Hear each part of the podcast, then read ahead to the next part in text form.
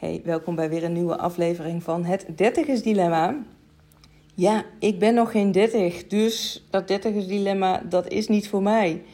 Nou, pas op, want als je daar zo in staat, dan wordt het zeker wat voor je. En als je er dan nog steeds niets mee blijft doen, dan wordt uiteindelijk de midlife crisis wel iets waar je in vast gaat lopen. Want het dertigers dilemma is een levensfasecrisis die je meemaakt tussen ongeveer je 25ste en je 39ste levensjaar. En wat is het nou op het moment dat jij bijvoorbeeld aan het werk bent, of met je relatie eh, net voor me aan het geven bent, of een woning hebt en denkt van hé, hey, eigenlijk zou ik nu alles op de rit hebben. Alles waar ik jarenlang naartoe heb gewerkt. De, de dromen die je hebt in de puberteit en in je jongvolwassenheid. Daar ga je invulling aan geven. En dan ben je op dat punt.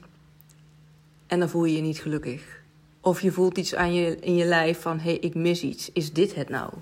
Nou, en op het moment dat je dat gaat ervaren, en dat kan dus zeker voor je dertigste. Ja, dan kun je stellen dat je in het dilemma zit. En wat dus heel belangrijk is, is dat je actie onderneemt om daarin iets anders te gaan doen, zodat je wel vervulling uit je leven haalt. Want anders dan ga je jezelf steeds meer vastzetten, steeds meer vastlopen, waardoor je klachten gaat krijgen of dat je later alsnog jezelf tegenkomt. want je neemt jezelf altijd mee, dat heb ik ook eerder gedeeld. En pas op het moment dat je echt inzoomt om helemaal te gaan kijken, wie ben ik nou in de kern? Wat maakt mij gelukkig? Wat maakt mijn leven waardevol?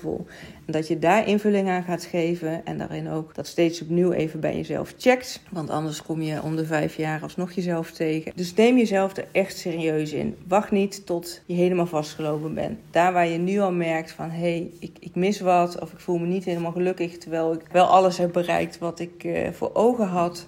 Neem contact met me op, kom met me sparren, want dan gaan we kijken wat hetgene is wat je zou kunnen doen of wat je zou mogen gaan ondernemen om wel dat geluk te gaan voelen. Hè? Wat is het wat bij jou past? Ook al ben je nog geen 30, juist in die fase daarvoor is het belangrijk om je wel bepaalde vragen te stellen, de existentiële levensvragen, en daar heel oprecht en eerlijk naar jezelf antwoord op te geven. Zodat je ook kan bijsturen steeds, dat je blijft doen waar je gelukkig van wordt en waar je je goed bij voelt. Want we kennen ook allemaal uh, de red race van het leven. Als je even een keer met je ogen knippert, ben je zo een maand of een jaar verder. En niks menselijk is ons vreemd. Uiteindelijk is de valkuil dat je geleefd wordt door het leven in plaats van dat je er zelf de regie op neemt.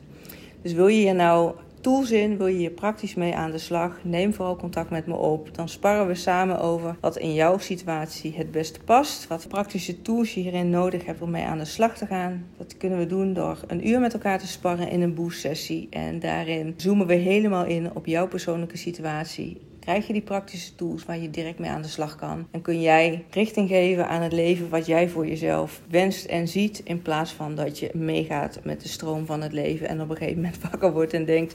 Oh, uh, hoe ben ik hier beland? Dit is helemaal niet wat ik wil. Ik zie je DM graag tegemoet of je mailtje naar info.sbkl.nl. Dan gaan we daar lekker mee aan de slag. Voor nu wens ik je in ieder geval een hele mooie dag toe en een mooi leven. Dankjewel voor het luisteren en tot de volgende aflevering.